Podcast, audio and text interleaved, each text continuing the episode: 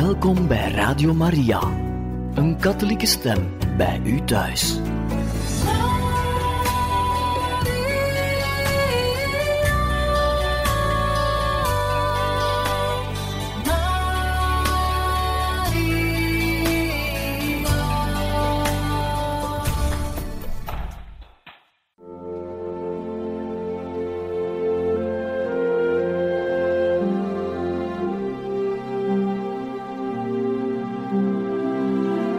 Beste luisteraars van Radio Maria, welkom bij het programma Catechismus. Een overweging bij de geloofschat van de kerk.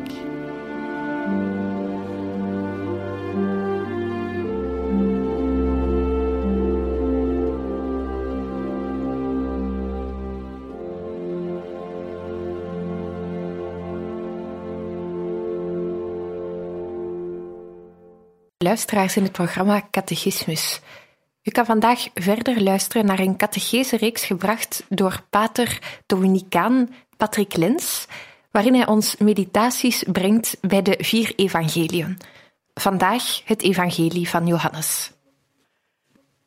Beste mensen, we gaan onze meditaties over de evangelie verder zetten.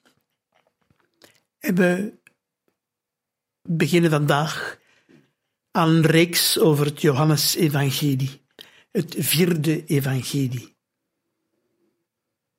Zeker geen gemakkelijk evangelie, helemaal anders opgebouwd dan de zogenaamde synoptische evangeliën. Johannes begint met een magistrale openingshymne, meer bekend onder de naam de proloog. In het begin was het woord. En het woord was bij God. En het woord was God. Zo begint de proloog. Er zijn geen kindheidsteksten. Het Johannes-evangelie vertrekt vanuit een heel ander geografisch en chronologisch kader.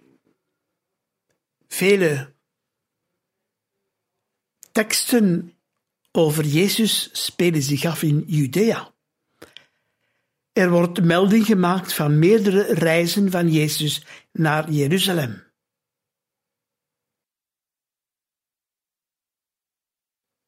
Johannes heeft maar vijf pericopen van verhalende stof die gemeenschappelijk zijn met de synoptici.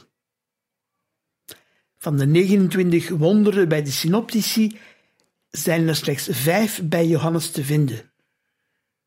Maar Johannes heeft dan weer vijf typisch eigen wonderverhalen. Het Rijk Gods is minder een centrale categorie. We vinden wel begrippen als leven, licht en waarheid. We vinden geen twistgesprekken van Jezus met de Fariseeën over de wet, maar wel twistgesprekken en zelfs heel erge confrontaties over het geloof in Jezus als zoon van de Vader.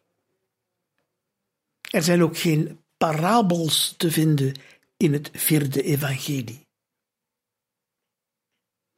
Johannes spreekt 71 maal over de Joden terwijl de synoptici dat tezamen slechts zestienmaal zo doen. Dat wil dus zeggen dat het Johannesevangelie al een grotere afstand heeft met het Jodendom. En dus eerder later is ontstaan. Men zegt dat het Johannesevangelie ontstaan is in Klein-Azië. Maar van de andere kant laat het Johannesevangelie toch vermoeden dat de evangelist veel kennis had van het Joodse Palestijnse milieu. Specifiek is dat Johannes ons wil doen inkijken in het mysterie van God. We krijgen een heel ander beeld van Jezus. De Heer spreekt plechtig en is omgeven door mysterie. Hij beheerst heel duidelijk mensen en gebeurtenissen. Jezus legt zijn leven af met het klare bewustzijn en de grootsheid van een priester die celebreert door het offer van zijn eigen leven aan te bieden. In het Johannesevangelie openbaart Jezus zichzelf duidelijker als de Zoon van God. Zeer merkwaardig zijn de zogenaamde ik ben woorden. Waarin Jezus iets openbaart van de godsnaam die hij zelf in de mond legt of in de mond neemt. Ik ben de weg, de waarheid en het leven. Ik ben de verrijzenis en het leven. Ik ben was de godsnaam uit het derde hoofdstuk van Exodus, vers 14. Het Johannesevangelie is een evangelie van licht. Door Jezus mens zijn schijnt Gods heerlijkheid. In Jezus is God te zien. Heel Jezus leven is transparant voor de aanwezigheid van God. Het Johannesevangelie heeft een heel eigen taal, met heel bepaalde begrippen, waar je langzaamaan moet in thuiskomen. Het is een heel symbolisch evangelie.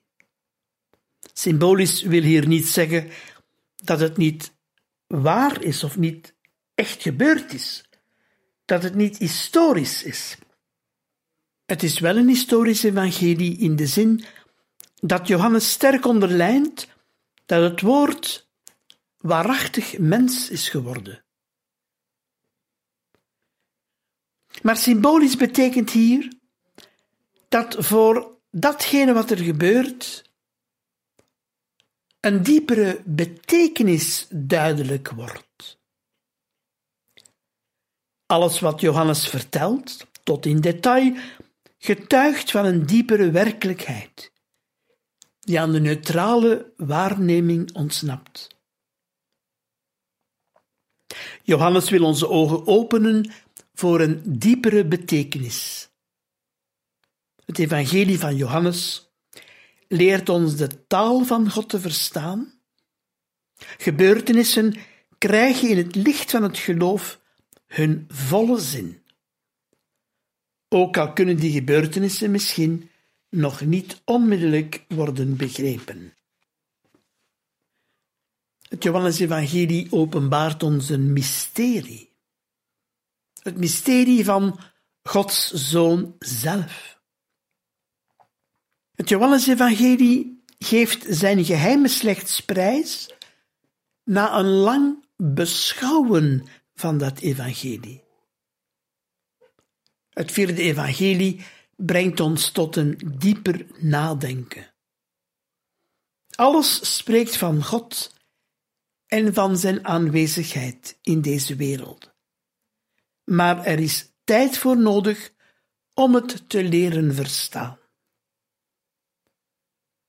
Het evangelie van Johannes is een openbaringsevangelie. Langzamerhand doorheen gebeurtenissen die tekenen worden, openbaart zich de ware zin van het leven die in Jezus mens geworden is. Openbaart Jezus zich als Gods Zoon, het mens geworden woord. Het is ook een evangelie dat vol is van de Heilige Geest.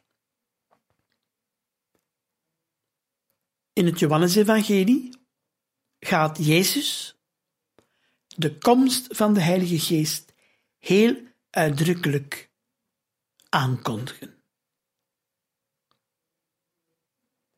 Maar tegelijkertijd is het Johannes-evangelie zeer realistisch. En zien we ook hoe het conflict in Jezus' leven, het conflict met de overheden van zijn volk, steeds grimmiger wordt. In het evangelie van Johannes gaan de discussies niet alleen over de wet, maar vooral over het zoonschap van God. Jezus, die zoon van God is. Het Johannesevangelie is ook een evangelie van transformatie. Een proces dat je mag doorlopen om Jezus beter te, te leren kennen als zoon van God. In de proloog begint het met het woord. In het begin was het woord. Het woord is datgene of diegene waarmee of waarin God de wereld heeft geschapen.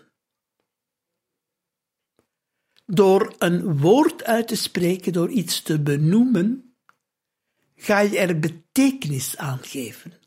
Verdwijnt de chaos. We zien in het eerste hoofdstuk van Johannes ook hoe de eerste leerlingen Jezus ontmoeten en hem heel eenvoudig de vraag stellen: Waar houd je je op? Waar woon je? Kom kijken om het te zien, zegt Jezus. Zeer eenvoudige gebeurtenissen. Tweede hoofdstuk brengt ons de tempeluitdrijving en de bruiloft van Cana. Water verandert in wijn. Maar tegelijkertijd gebeurt er ook iets heel diep in de schepping, in het mens zijn, in de christelijke gemeenschap. Jezus openbaart zijn heerlijkheid in een eenvoudig dorp, te Cana in Galilea. In het derde hoofdstuk zien we Jezus in gesprek met Nicodemus, wetgeleerde en lid van de Hoge Raad. En Jezus stelt heel zijn denken in vraag. Je moet opnieuw geboren worden om het Rijk Gods te zien. De oude Nicodemus verstaat dat niet.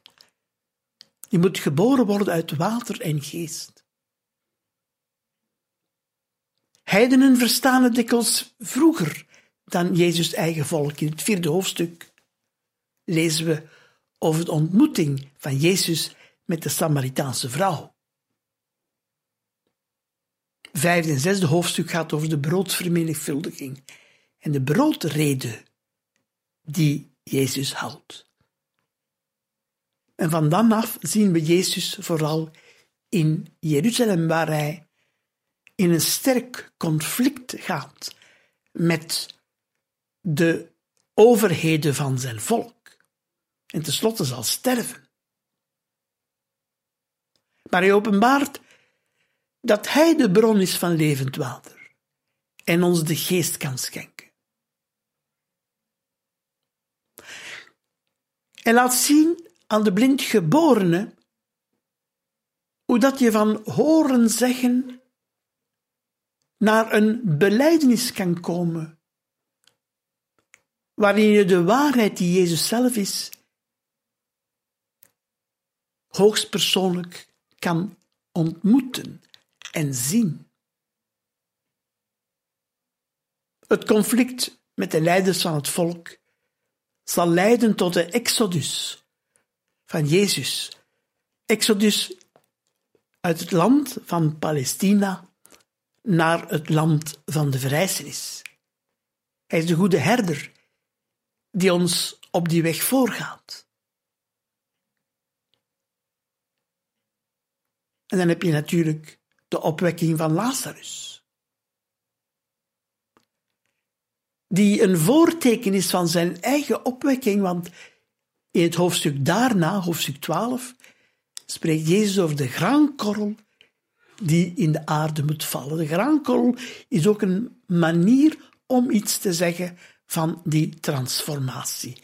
Die moet gebeuren door de dood naar het leven.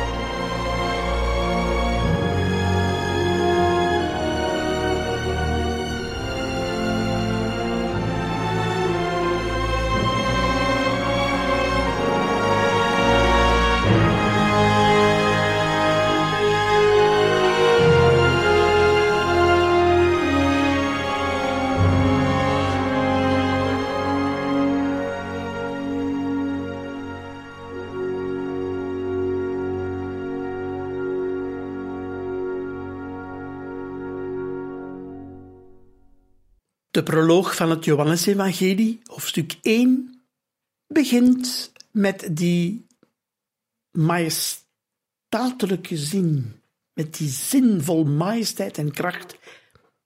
In het begin was het woord. In het begin, met diezelfde woorden, begint de hele Bijbel. In het boek Genesis. In het begin was het woord. En het woord was bij God en het woord was God. En enkele versen later zal er gezegd worden: het woord is vlees geworden. God geeft geen theorie. Hij spreekt niet over de mensheid, als over iets abstract als een soort theorie. Hij spreekt ons aan als mens. De aanwezigheid van God in deze wereld is niet abstract of louter begripsmatig en niet alleen transcendent. Die aanwezigheid van God wordt concreet, zij wordt mens. God geeft ons een woord dat vlees geworden is. Het woord waarin alles geschapen is, zal ook Paulus zeggen. Hij stuurde ons zijn zoon die zijn glorie en zijn voorrechten heeft afgelegd om de grenzen van een menselijk bestaan te aanvaarden. En zo zal hij door lijden en dood van binnenuit de schepping herstellen. In de geschiedenis van een heel eenvoudig mens zijn. En dat geeft ons toch een heel andere blik op het leven. Het woord waarin God alles geschapen heeft. God sprak en het was. God zei, er zij licht en er was licht. Dat woord wordt mens.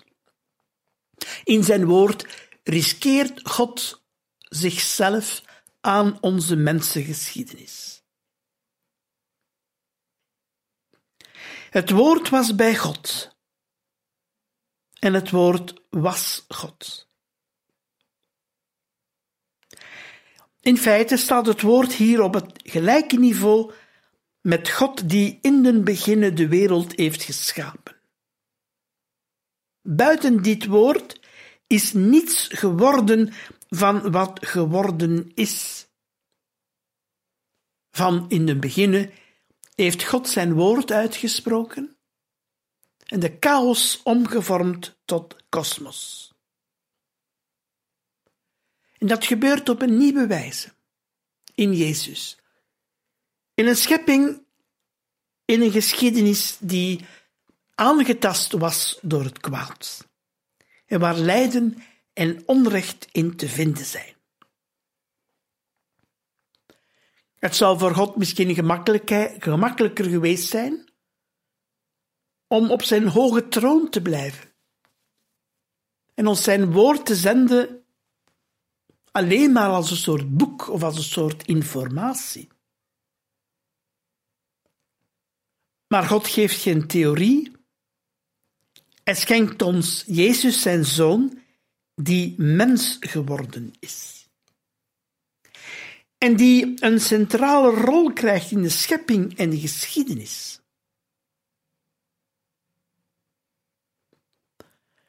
De term woord heeft een providentiële betekenis. Gezien het feit dat dit begrip zowel in het Joodse denken als in het Griekse denken samenkomen. De Bijbel zegt dat God door het woord heeft geschapen. Hij sprak en het was er. In het Griekse denken staat het woord of de logos voor de samenhang van de kosmos. Het principe waardoor alles wat is er ook werkelijk is.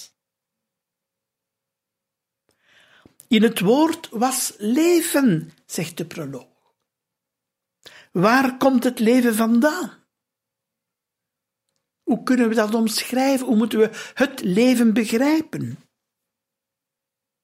Dat is natuurlijk niet eenvoudig. Maar kijk naar Jezus. En je zult tenminste beter leren zien wat de zin is van dit leven. In het woord was leven, zegt de proloog, en dat leven was het licht der mensen.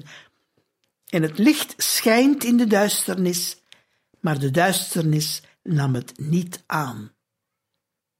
Leven en licht zijn niet zomaar begrippen, het zijn ervaringswoorden. Je kunt er eigenlijk geen afstand van nemen, want je bent er zelf in opgenomen. Leven, dat doe je.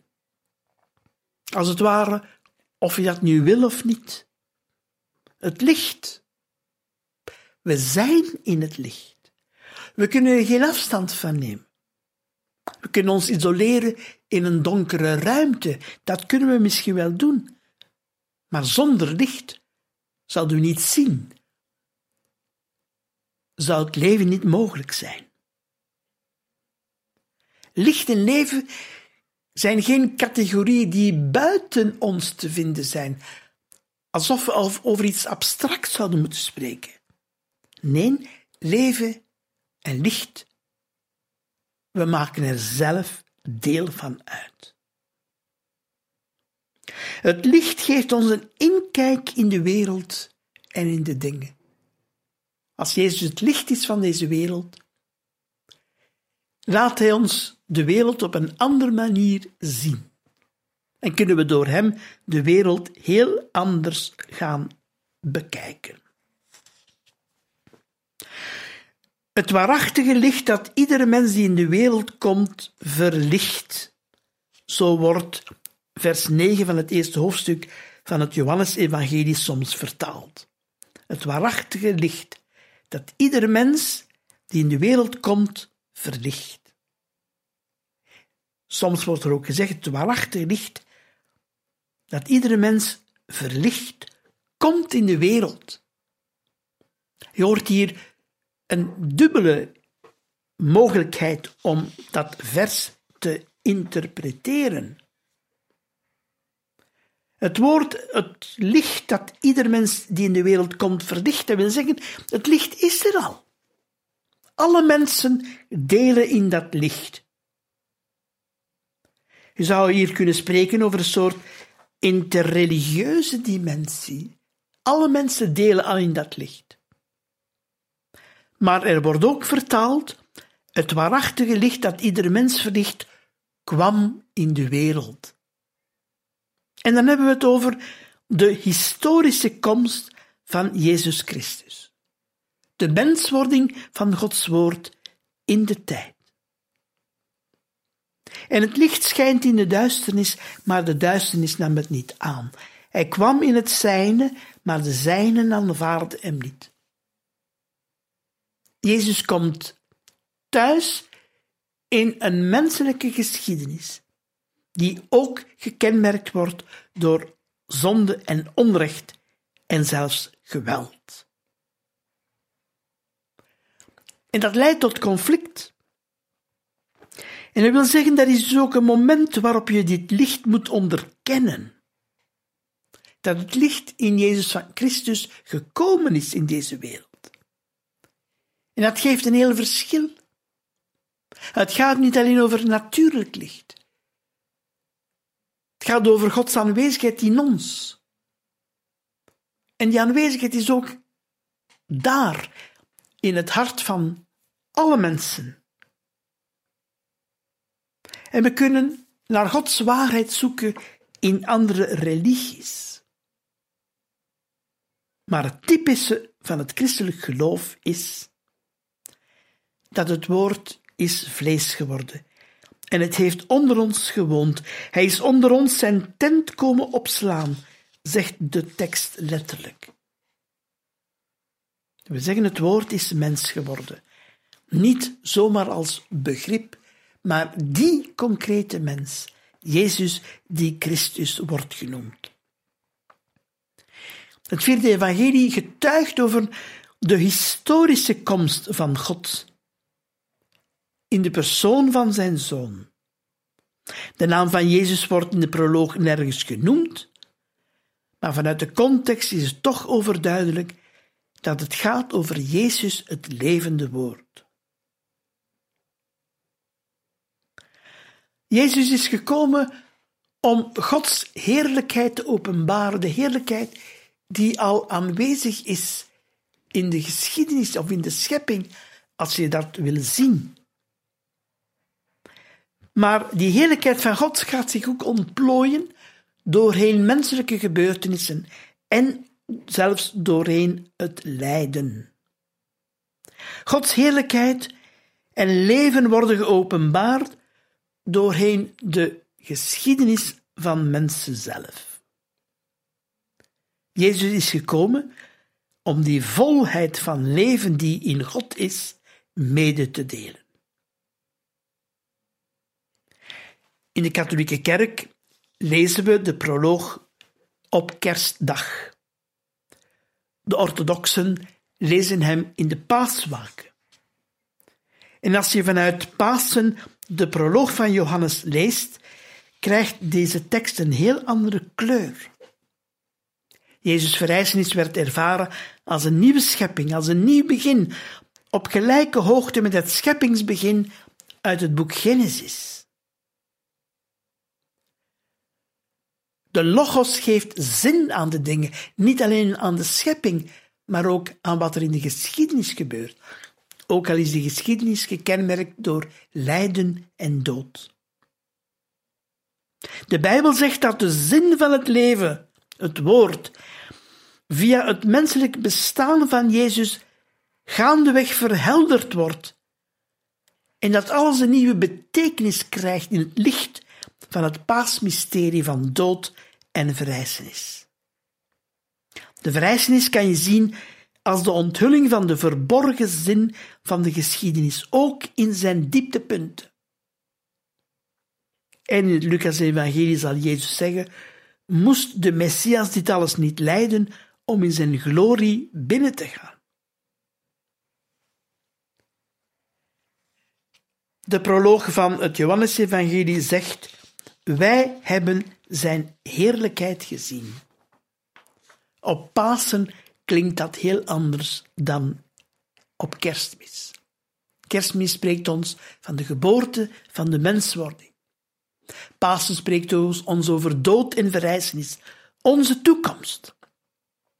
En onze toekomst is zoonschap dochterschap, kindschap.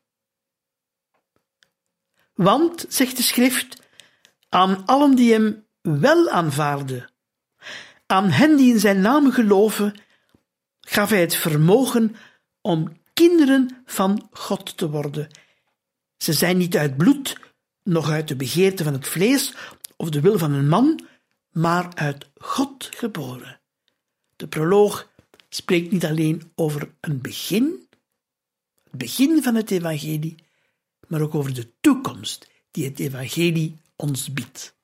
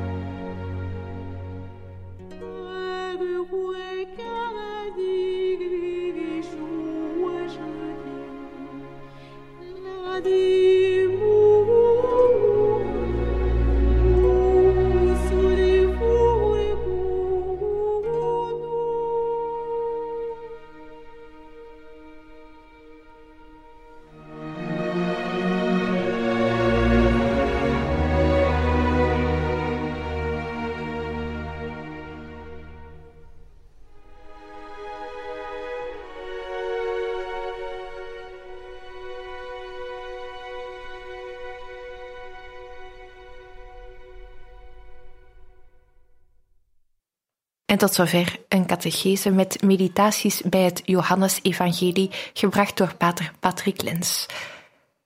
Radio Maria wenst u nog een mooie dag toe.